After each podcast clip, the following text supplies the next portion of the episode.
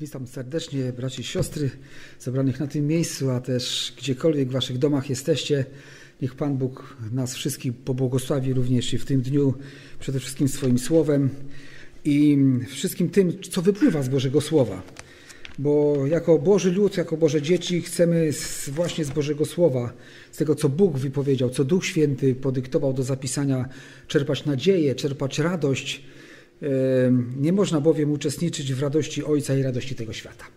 Te dwie rzeczy po prostu są w zgrzycie ze sobą, bo, ponieważ radość tego świata nie jest radością Ojca, ona wypływa zupełnie innych, zmysłowych, cielesnych rzeczy. A my chcę, chciałbym dalej z Wami rozważać dzisiaj e, to, co już robiłem wielokrotnie przez e, wiele spotkań e, naszych na nabożeństwie, mianowicie dalej rozważać list do, pierwszy list do Tesaloniczan. Jest to czwarty rozdział, od wersetu dzisiaj 13 do 18. Nasz czwarty rozdział, który rozważany był no, jakiś czas temu wcześniej, był takim rozdziałem, który w porównaniu z poprzednimi rozdziałami zajmował się bardzo takimi praktycznymi sprawami i, i zawierał pewne napomnienia. E, główną taką myślą, która zawarta była w w pierwszych dwunastu wersetach było to, aby nie oszukiwać w jakiejkolwiek sprawie swojego brata. I też było powiedziane, że wolą Bożą jest uświęcenie nasze, żebyśmy powstrzymywali się od wszeteczeństwa. Siódmy werset mówił, albowiem nie powołał nas Bóg do nieczystości, ale do uświęcenia. I to jest również ten cel. To jest ten cel, który był wspomniany y, przed modlitwą. E, tam Nehemiasz był pobudzony do pewnego działania, bardzo praktycznego, bardzo koniecznego, do ważnej sprawy w tamtym czasie, a również uświęcenie jest takim celem e, dla wierzących, dla Kościoła. To uświęcenie nie polega na e, zamknięciu się w klasztorze czy jakiejś innej izolacji, ale na uświęceniu swego serca, swoich myśli, żeby nasze myśli i serca były obrzezane, czyli związane przymierzem z Bogiem, żeby nasze pragnienia, dążenia i działania były święte, to znaczy, abyśmy byli coraz bardziej podobni do Pana naszego Jezusa Chrystusa. W wersetach od 13 do 18, co za chwileczkę te wersety przeczytamy, zawarta jest też inna myśl, która była wielką potrzebą w tamtym czasie dla Tesaloniczan. Prawdopodobnie pojawiły się pewne wątpliwości co do losu pewnych ludzi, którzy odeszli. Dlatego Duch Święty też pobudził apostoła Pawła, aby te sprawy poruszyć i aby wyjaśnić im, co będzie się działo w przyszłości, w szczególności jeśli chodzi o tych, którzy zasnęli jako wierzący ludzie, czyli umarli w sensie fizycznym. E, było to dla nich bardzo ważne, dlatego że być może oni nie wiedzieli, co o tym mają myśleć, ale to powolutku do tego dojdziemy. E, jakie mogły być powody, jak Słowo Boże, e, jak apostoł Paweł e, z natchnienia Bożego Ducha wyjaśniał Tesaloniczanom, jak, że nie mają powodów do obaw, że Bóg wszystko cudownie zaplanował, to chcę powiedzieć, że ten tekst również dla nas jest bardzo ważny. On ma zawsze dla każdego pokolenia, jak w zasadzie każde miejsce z Pisma Świętego, ale i ten, jest to jeden z tych tekstów, który jest tekstem nadziei, tekstem pocieszenia. To jest tekstem, który informuje nas o wielkich planach Bożych względem Kościoła. Planach, które dotyczą przyszłości. Dlaczego ważne jest też, żebyśmy dzisiaj o tym też pomyśleli i o tym mówili? Ponieważ czasy, w których my żyjemy, czy czas, o którym my żyjemy, jest o dwa tysiące lat bliższy do spełnienia się tych rzeczy, o których mówił Paweł do Tesaloniczan. A więc o ileż bardziej może nas to spotkać, niż Tesaloniczan, do których apostoł Paweł pisał, że również wtedy, w tamtym czasie mogło się to stać w każdej chwili. Żyjemy w czasach, które coraz więcej mają znaków y, dotyczących czasów ostatecznych, i tu chciałbym je e, bardzo pokrótce tylko przytoczyć e, jako taki e, argument, że ten, te wersety od 13 do 18 są dla nas dzisiaj też bardzo ważne, a właściwie zawsze są ważne. Otóż Pismo Święte podaje pewne informacje związane z czasami ostatecznymi i zbliżaniem się pewnych rzeczy, które ciągle są jeszcze przed nami. I jest tutaj taką notatkę, którą wydrukowałem. Ona zawiera 11 takich punktów mówiących, pokazujących, że pewne rzeczy dotyczące czasów ostatecznych kształtują się i formują coraz bardziej.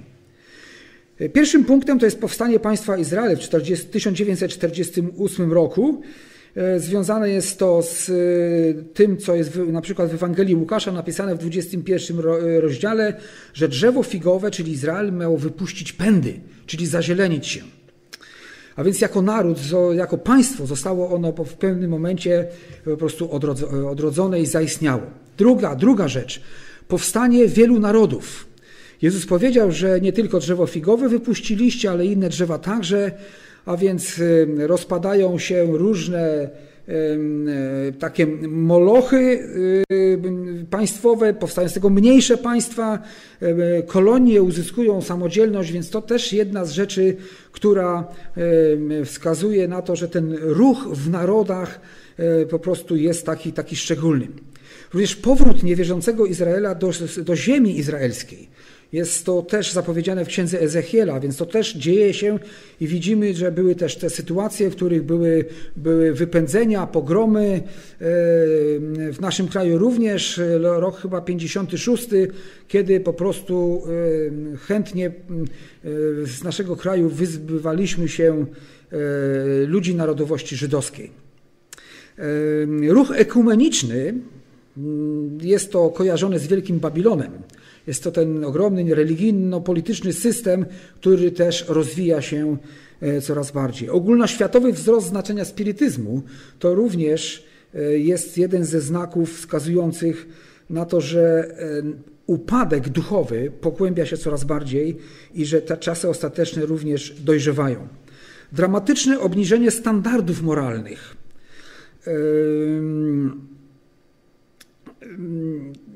o tym codziennie czy, słyszymy w telewizji, czytamy w gazetach. Przemoc oraz obywatelskie nieposłuszeństwo, y, duch bezprawia panuje w domach, w życiu narodowym, nawet w kościele. Drugi do Tesaloniczan, drugi rozdział też o tym wspomina. Ludzie przybierają coraz bardziej pozór pobożności, podczas gdy ich życie jest zaprzeceniem y, mocy Bożej. Powstanie też, powstaje też taki duch antychrześcijański e, w różnych fałszywych kultach, również takich kultach, które używają Pisma Świętego. To również jest jeden ze znaków. Mm, pierwszym Jana, drugi rozdział czytamy, drugim do Tymoteusza w trzecim rozdziale. E, te, również tendencje narodów łączenia się w sposób oddający przybliżeniu układ narodów w czasach ostatecznych. E, no, taka informacja jest tutaj podana. Księga Daniela coś o, o tym wspomina w, w, w drugim rozdziale. Również jest coraz większe zaprzeczenie zbliżającej się interwencji Boga w sprawie tego świata.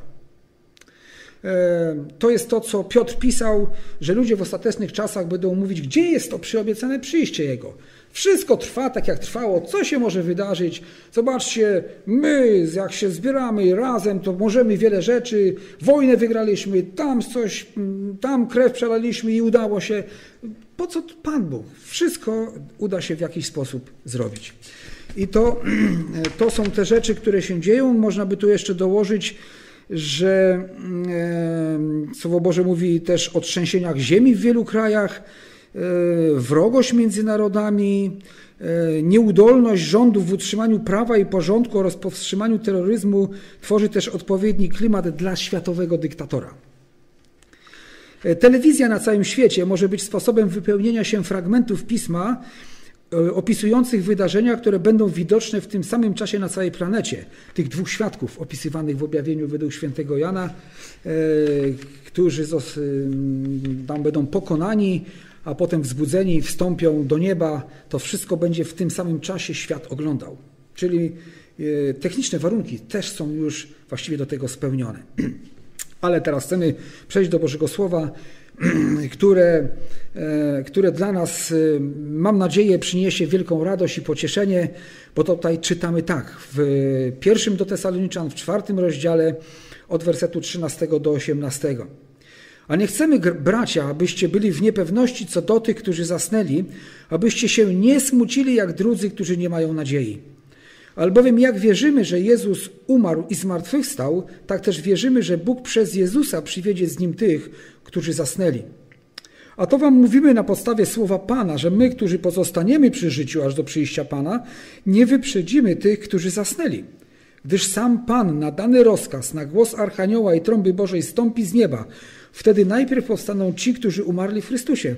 Potem my, którzy pozostaniemy przy życiu razem z Nim, porwani będziemy w obłokach na powietrze na spotkanie Pana i tak zawsze będziemy z Panem. Przeto pocieszajcie się nawzajem tymi słowy.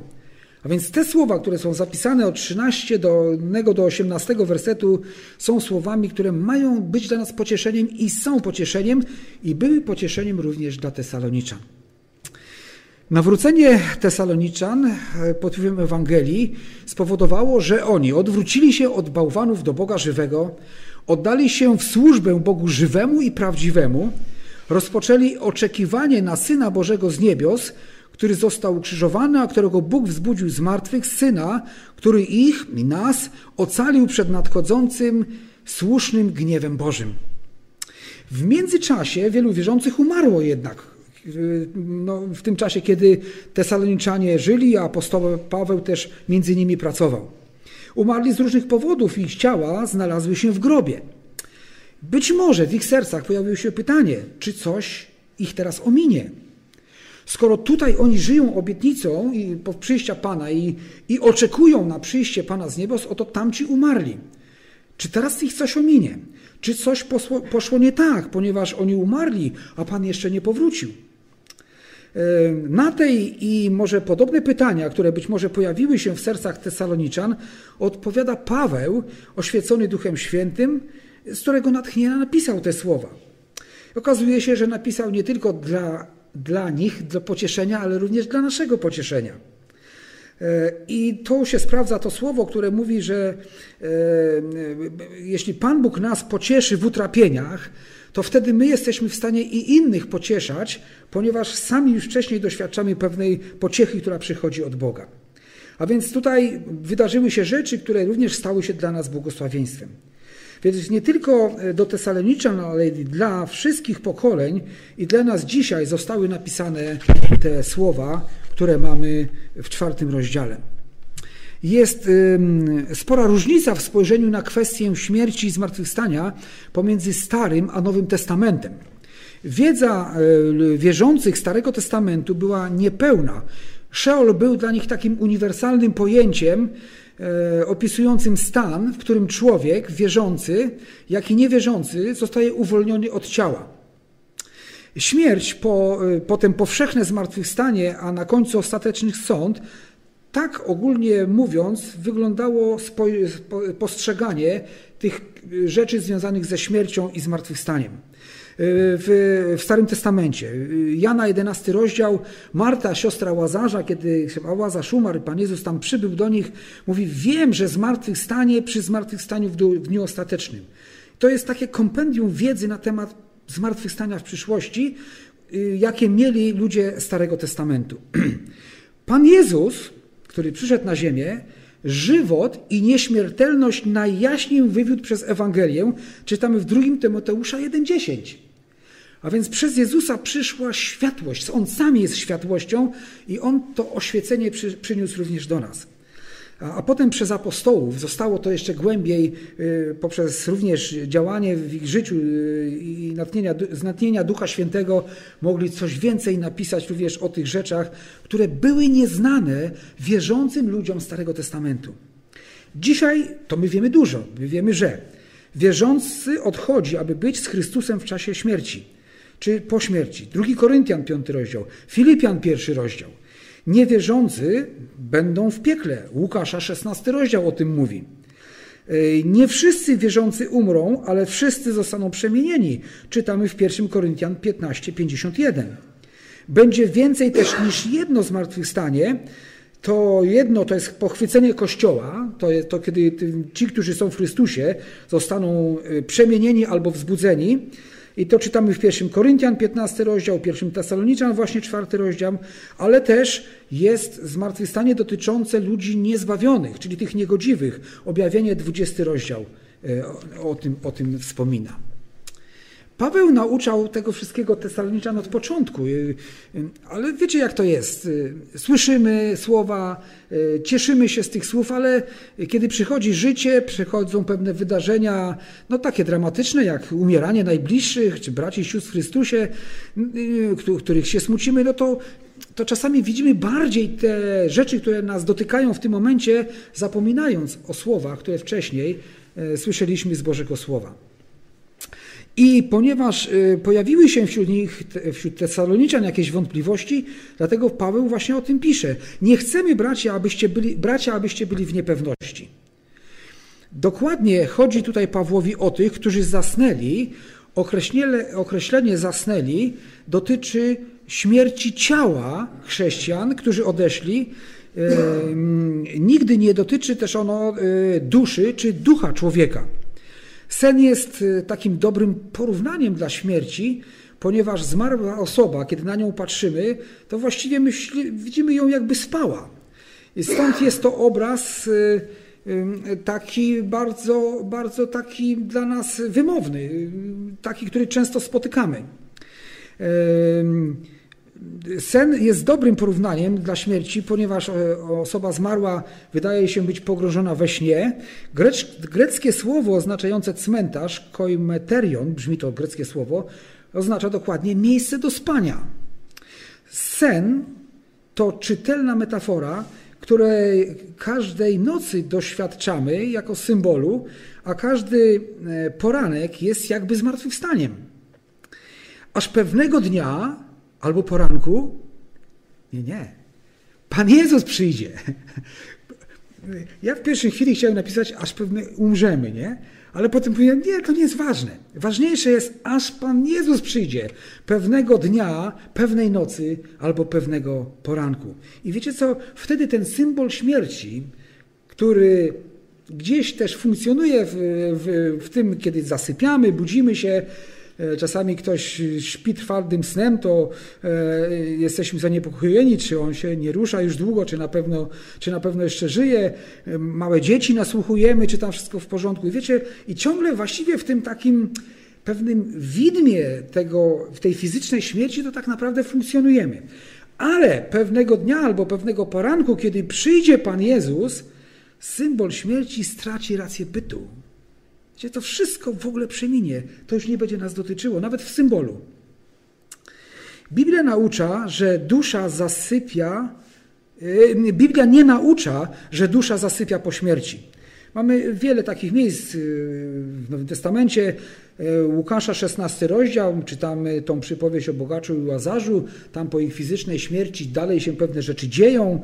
2 Koryntian 5,8 że e, mówi, mówi o zamieszkiwaniu u Pana po śmierci, a więc nie jest to stan jakiegoś niebytu czy nieświadomości, raczej, raczej pełnej świadomości, tylko w nowej rzeczywistości. E, Filipian pierwszy rozdział mówi, być u Pana to zysk, to daleko lepiej, mówi apostoł Paweł. E, a więc e, to są dowody na to, że Biblia nie naucza, że dusza zasypia po śmierci. Również Biblia nie naucza unicestwienia. Dowody, które mamy w Biblii, Marka 10:30 mówi o tym, że żywot wieczny e, odziedziczymy w nadchodzącym czasie.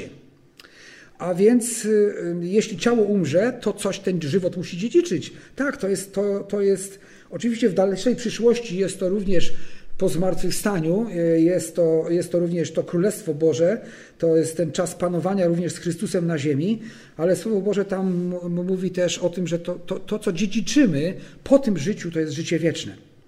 E, Marka 9 rozdział mówi też o tych, którzy są niewierzący, że w piekle robach ich nie umiera, a ogień nie gaśnie. Gdyby było unicestwienie, to co miało być jedzone przez ten robak, tak? przez tego robaka? Wiadomo, że że jest to, e, więc Biblia nie naucza o unicestwieniu duszy. Objawienie 14, 11, dym ich męki unosi się na wieki wieków, więc e, to, to również są rzeczy wskazujące na istnienie, na byt po śmierci fizycznej. W odniesieniu do świętych wszelkie obawy są bezzasadne, a smutek pozbawiony nadziei nie ma racji bytu. Słowo Boże nie wyklucza smutku. Wiecie, to jest naturalne zjawisko, e, lecz z nadzieją w tle.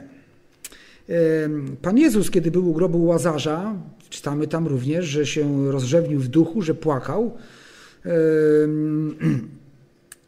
na chwilę, wiedząc, że za chwilę wskrzesi go z martwych, w Jana w 11 rozdziale. I nie ma nic e, e, w tym niepobożnego, jeśli, czy takiego no, nie, nie, bezbożnego, jeśli e, wierzący ludzie szlochają po odejściu swoich najbliższych. Raczej byłoby podejrzane, gdyby nie płakali. Płaczemy, bo, bo, bo straciliśmy kogoś z tego naszego życia. To, to, ten smutek jest naturalną rzeczą, której doświadczamy tutaj, w tym ziemskim życiu. Jednak Słowo Boże odrzuca beznadziejny smutek, pełen rozpaczy, przerażenia wobec faktu śmierci. Właściwie nie mamy podstaw jako dzieci Boże do takiego smutku.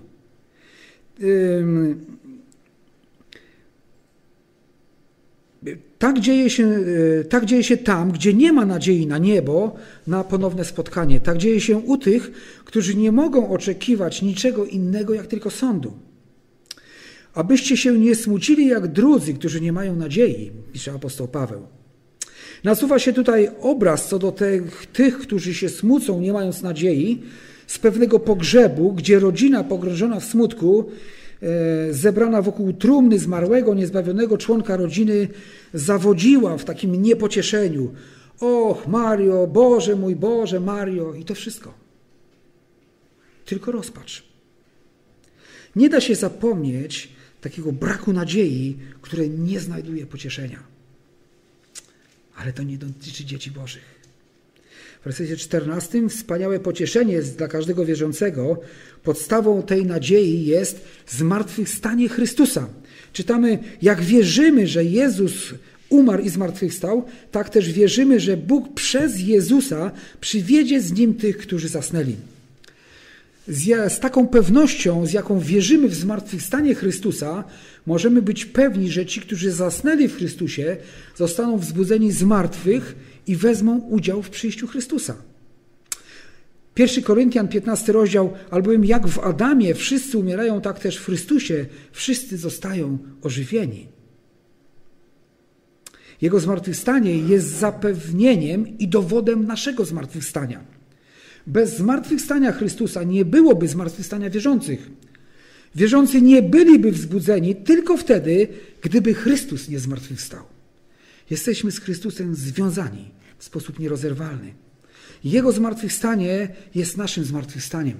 Oczywiście jest ono w sensie duchowym dzisiaj zmartwychwstaniem y, ze śmierci duchowej do nowego życia, do społeczności z Bogiem, ale to Słowo Boże pokazuje, że to zmartwychwstanie ma znaczenie również na przyszłość dla nas, kiedy to nasze ciała, y, jeśli nie doczekamy przyjścia Pana Jezusa, a przyjdzie nam umrzeć y, w sensie fizycznym, to potem przyjdzie ten czas, kiedy również nasze ciała zostaną wzbudzone choć będą trochę inne albo bardzo inne. Zaśnięcie wierzących jest również częścią Bożego planu i przynosi Bożu, Bogu chwałę. Oni wytrwali aż do końca i czeka ich wzbudzenie z martwych. Ta, e, to ograbia śmierć z jej terroru. Bóg daje zapewnienie odnośnie tych, którzy umarli w Chrystusie, że Bóg przez Jezusa ich z Nim przywiedzie.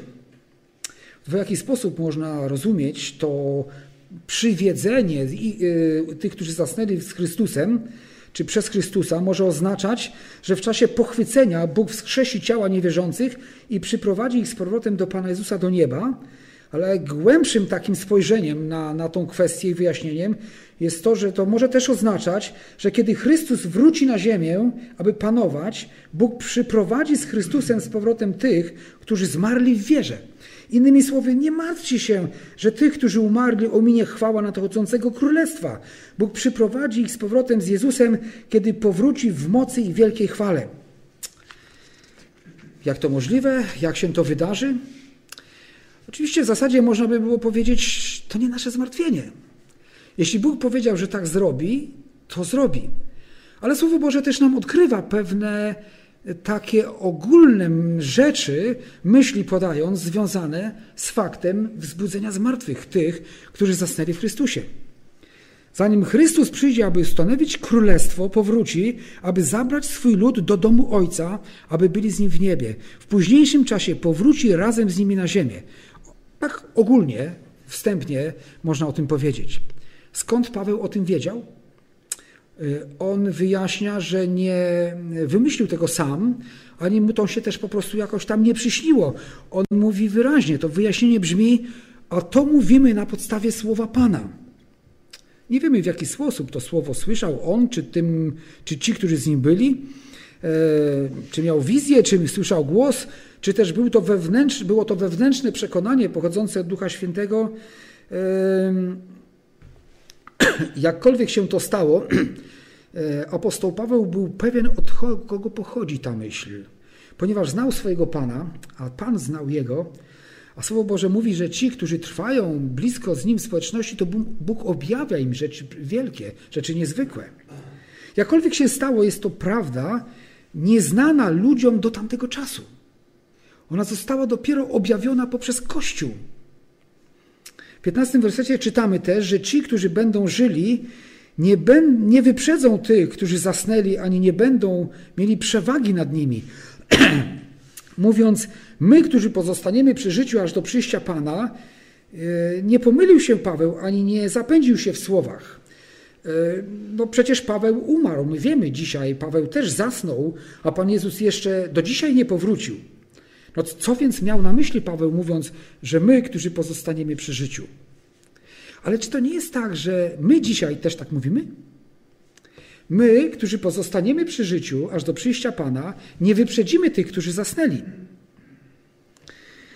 Paweł e, do kwestii powtórnego e, przyjścia podchodził w sposób szczególny, w jaki my powinniśmy podchodzić, i myślę, że często tak po prostu myślimy, tak rozumujemy. Skoro, skoro dane zostało słowo zapewnienia o powrocie Chrystusa, a termin nie został podany dokładnie, to znaczy, że to może nastąpić w każdej chwili, każdego dnia, każdej nocy, o każdej porze. Tesaloniczanie też dobrze zrozumieli to, ponieważ gdy odwrócili się od bałwanów, aby służyć Bogu żywemu i prawdziwemu, to też y, rozpoczęli oczekiwanie na Syna Bożego z niebios.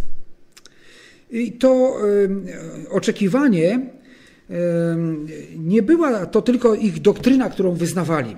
Oni przyjęli taki stan serca i, i swojej duszy i umysłu. Oni trwali w oczekiwaniu na Chrystusa dzień w dzień, noc w noc. Trwali w oczekiwaniu Syna Bożego z niebios. To samo czynił apostoł Paweł. To samo i my mamy czynić. On trwał w oczekiwaniu, wiedząc, że to może być dzisiaj. Skoro inni już zasnęli, a my nie, to ciągle jest możliwe, że dożyjemy chwili, że zostaniemy pochwyceni, przemienieni. A wtedy nie wyprzedzimy też tych, którzy zasnęli, w mgnieniu, najpierw oni, potem my. Powinniśmy oczekiwać Pana w każdej chwili, a przy tym zdawać sobie sprawę z tego, że być może zostaliśmy powołani, aby osiągnąć niebo przez śmierć. Musimy liczyć się z tymi dwoma rzeczami, które mogą nas spotkać tak czy inaczej znajdziemy się w społeczności z Chrystusem. Oczywiście wolelibyśmy nie przeżywać tego dziwnego stanu, kiedy kończy się nasze tutaj życie, to fizyczne i dusza opuszcza ciało i przechodzi w inne miejsce. W jakiś sposób zawsze się przed tym wzdrygamy. Jednak jest to pewien element. Ja sobie. Nie, to chyba nie dlatego, że taki tam wiek, ale zadaję pytanie, jak to jest? myślimy, co to może być takiego? Jak to będzie wyglądać ta śmierć? Tak? Niektórzy nagle odchodzą, niektórzy powoli, niektórzy jeszcze mają czas pożegnać się z rodziną i być może zastanowimy się, w jaki sposób to się stanie. Zastanawiamy się. Przekonamy się z czasem, jaką drogę Pan Bóg dla nas przeznaczył, jaka droga nas oczekuje. Tak czy owak, jeśli przez śmierć, to do społeczności z Panem, jeśli tylko przez przemienienie i pochwycenie, to również do społeczności z Panem. Paweł podaje też kolejność wydarzeń podczas powrotu Chrystusa po świętych na powietrze. Tu mówimy o tym powrocie, nie na ziemię.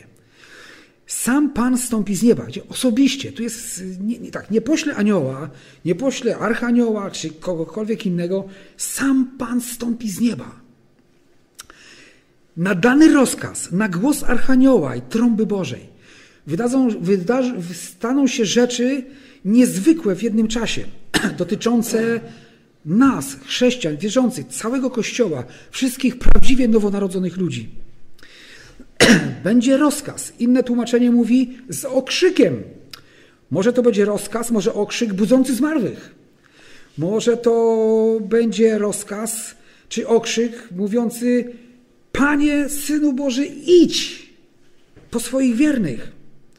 Będzie to również głos Archanioła. Może to Archanioł to ogłosi, że to już teraz, już teraz, Panie nieba i ziemi, stąd po swój Kościół. Będzie też trąba Boża. E, nie wiemy, jakie nuty będzie grała, ale będzie to potężna trąba Boża. Nie wiemy, kto ją będzie słyszał. Czy tylko niebo, czy tym samym momencie i my, przemieniani i zmartwychwzbudzani, również to usłyszymy. 1 Koryntian 15, rozdział 52 mówi tam też o tym, że zabrzmi trąba ostateczna, ale to nie jest trąba ostateczna z objawienia dotycząca tych sądów nad światem. To e, w objawieniu czytamy też o tej siódmej trąbie, która zabrzmi, i tam będzie wylany też ten ostatni, ostatnie wylanie sądu. Ostateczna trąba Boża z naszego tekstu to jest ostatnia trąba dla Kościoła, budząca z martwych i przemieniająca e, tych, którzy jeszcze są e, w tym doczesnym życiu i która przyprowadzi i rozpocznie ten moment połączenia się z Jezusem Chrystusem. Siódma, ostatnia trąba z objawienia jest ostatnią dla niewierzącego świata. Tak więc najpierw powstaną ci, którzy umarli w Chrystusie.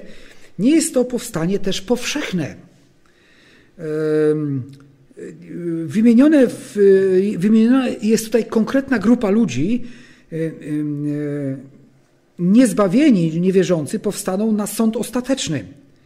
Wierzący Starego Testamentu najprawdopodobniej, podkreślam słowo najprawdopodobniej, koniec wielkiego ucisku. W czasie wskazanym tutaj w naszym rozdziale, w 16 wersecie, zostaną wskrzeszeni ci, którzy umarli w Chrystusie, to znaczy ci, którzy są narodzeni na nowo, narodzeni z Ducha Świętego. To zmartwychwstanie tych właśnie, tej grupy ludzi dotyczy. Jest to teraz też wielka zagadka. Jak wiele tych ludzi na przestrzeni wszystkich wieków było? Czy ile milionów, ile miliardów? Z, z jakich narodów? No, przypuszczamy, że ze wszystkich narodów. Wiecie, najpierw oni zostaną w okamgnieniu, potem 17 werset mówi my, i wydaje się to być najbardziej, y, jak najbardziej słuszne, że ci, którzy wytrwali do końca i zasnęli, powstaną jako pierwsi. No, zwycięzcy powinni być pierwsi. Ci, którzy dotrwali do końca i odeszli w wierze, zasnęli, są zwycięzcami, bo już wytrwali do końca. Więc im się należy, żeby byli tuż przed nami. My z kolei doświadczymy tego błogosławieństwa, że nie przejdziemy przez śmierć. My, którzy pozostaniemy przy życiu, i tak będziemy uprzywilejowani, ponieważ nie zaznamy umierania. Zresztą o to mgnienie oka i tak nie warto się procesować. To tylko mgnienie oka. Oni i my będziemy porwani na powietrze. Pochwycenie Kościoła jest porwaniem. To samo słowo jest użyte w dziejach apostolskich 8:39. E, Gdy Filip wyszedł z wody, Duch Pański porwał Filipa. Nie na kawałki, tylko go przeniósł z wielką mocą. I znaleziony został w Azocie i tam głosił Słowo Boże. Wiesz, y, Paweł pisze w drugim Koryntian 12 rozdziale, że zna pewnego człowieka, być może to był on sam, kiedy został przeniesiony do trzeciego nieba, właściwie porwany do trzeciego nieba. To jest to samo słowo. O dziecku z objawienia, ten chłopczyk, który się urodził, został porwany do tronu Bożego, to jest również to samo słowo. Y, z wielką mocą w okamgnieniu stały się te rzeczy. Też zostaniemy, e, spotkamy się z Chrystusem na powietrzu. E, Pan Jezus stąpi na powietrze, aby tam spotkać się z Kościołem. To było dla mnie też odkrywcze, to zestawienie naszego tekstu z czwartego rozdziału, to pierwszego do Tesaloniczan, z Efezjan 2.2, ponieważ w Efezjan 2.2 czytamy, że są ludzie, którzy naśladują władcę, który rządzi w powietrzu, ducha, który teraz działa w synach opornych. Jeśli to jest tak, że teraz miejscem, jakby taką bazą szatana jest powietrze, a Chrystus przyjdzie po swój kościół na powietrze, to tym samym kończy się tam władza szatana. Nie może być tam Chrystus i szatan. A więc przyjście Chrystusa na powietrze i zgromadzenie tam wierzących otwarcie zaprzeczy prawom diabła do jego własnej twierdzy. Skoro nie tam, to gdzie? Chyba ziemia, bo potem będzie wielki ucisk. Taki, jakiego nigdy przedtem nie było i nie będzie. Pamiętajmy, że na ziemi nie będzie też już kościoła. Nie będzie tej ogromnej grupy ludzi, która e, staje po stronie prawdy. Będą ludzie, którzy znają prawdę, rozumieją, ale nigdy nie narodzili się na nowo. Dla nich też Pan Bóg ma swój plan i oni też pewną drogę będą mogli przejść. E, być może stanięcie po stronie Chrystusa będzie za każdym razem oznaczało śmierć dla nich fizyczną. My dzisiaj nie musimy w taki sposób jako Kościół przechodzić.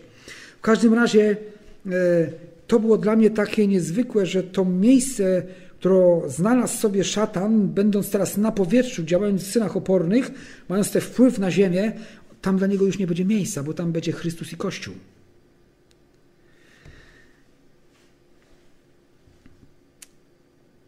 Zawsze będziemy z Panem od tej chwili. Kiedy wydarzą się te rzeczy, zawsze już będziemy z Panem. Nareszcie. Czy ty też tak myślisz? Że to nareszcie, czy to jest naszą tęsknotą, czy pragniemy, czy żyjemy w perspektywie tego dnia spotkania się z Chrystusem? Kiedy tam już się znajdziemy, wiecie, wszystkie pierwsze rzeczy przeminą. Brak snu przeminie, zmęczenie po nocnej pracy przeminie, śmierci nie będzie, chorób nie będzie. Będziemy zawsze z Panem. Wiecie co, czego jeszcze nie będzie? To jest najważniejsze. Nawet obecności grzechu nie będzie. Nasze ciało będzie w ogóle wolne od obecności grzechu. Nic z grzechu nas nie sięgnie. To przeszłość będzie. To, co nas dzisiaj powala na kolana, co, z powodu czego musimy nieraz pokutować cierpieć, to będzie przyszłością. Zawsze będziemy z Panem. Dzisiaj to pragnienie i tęsknota wszystkich Bożych dzieci. Wówczas rzeczywistość. Zbierzmy może to, co zostało zawarte w tych kilku wersetach. Ziemia i morze oddaje prochy wszystkich zmarłych w Chrystusie. Następnie cud przekształcenia, który sprawi, że z prochu powstaną uwielbione ciała, już bez bólu i śmierci, wolne od chorób. Potem lot w przestworzach do nieba, a wszystko dzieje się w okamgnieniu. To nieskończenie więcej niż Feniks powstający z popiołów, będący wytworem ludzkiej wyobraźni. Ludzie tego świata nie potrafią uwierzyć w zapis stworzenia z pierwszych dwóch rozdziałów Biblii. Jeżeli mają problem ze stworzeniem, które trwało sześć dni, to co dopiero z pochwyceniem, które trwa w okamgnieniu. Gdy Bóg odtworzy miliony ludzi z prochu, który został pochowany, rozrzucony, rozsypany lub rozmyty na plażach całego świata, ostatnio nawet spalony. Bóg to wszystko wzbudzi. On ma e, potężną kartę pamięci, wszystko tam ma zapisane. Nie bójmy się, że coś ulegnie gdzieś zniszczeniu czy zostanie stracone. Jeśli powstaną, to znaczy z wyglądu będą podobni poza tą znikomością, która dotyczy naszego tutaj ziemskiego ciała. Mojżesza spotkamy.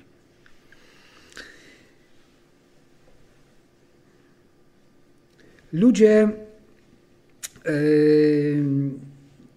entuzjastycznie odnoszą się do podróży kosmicznych. Jednakże czy, naj, czy największe ludzkie wyprawy można porównać z cudem podróżowania do nieba w ułamku sekundy bez ziemskiej atmosfery, którą kosmonauci muszą ze sobą zabierać?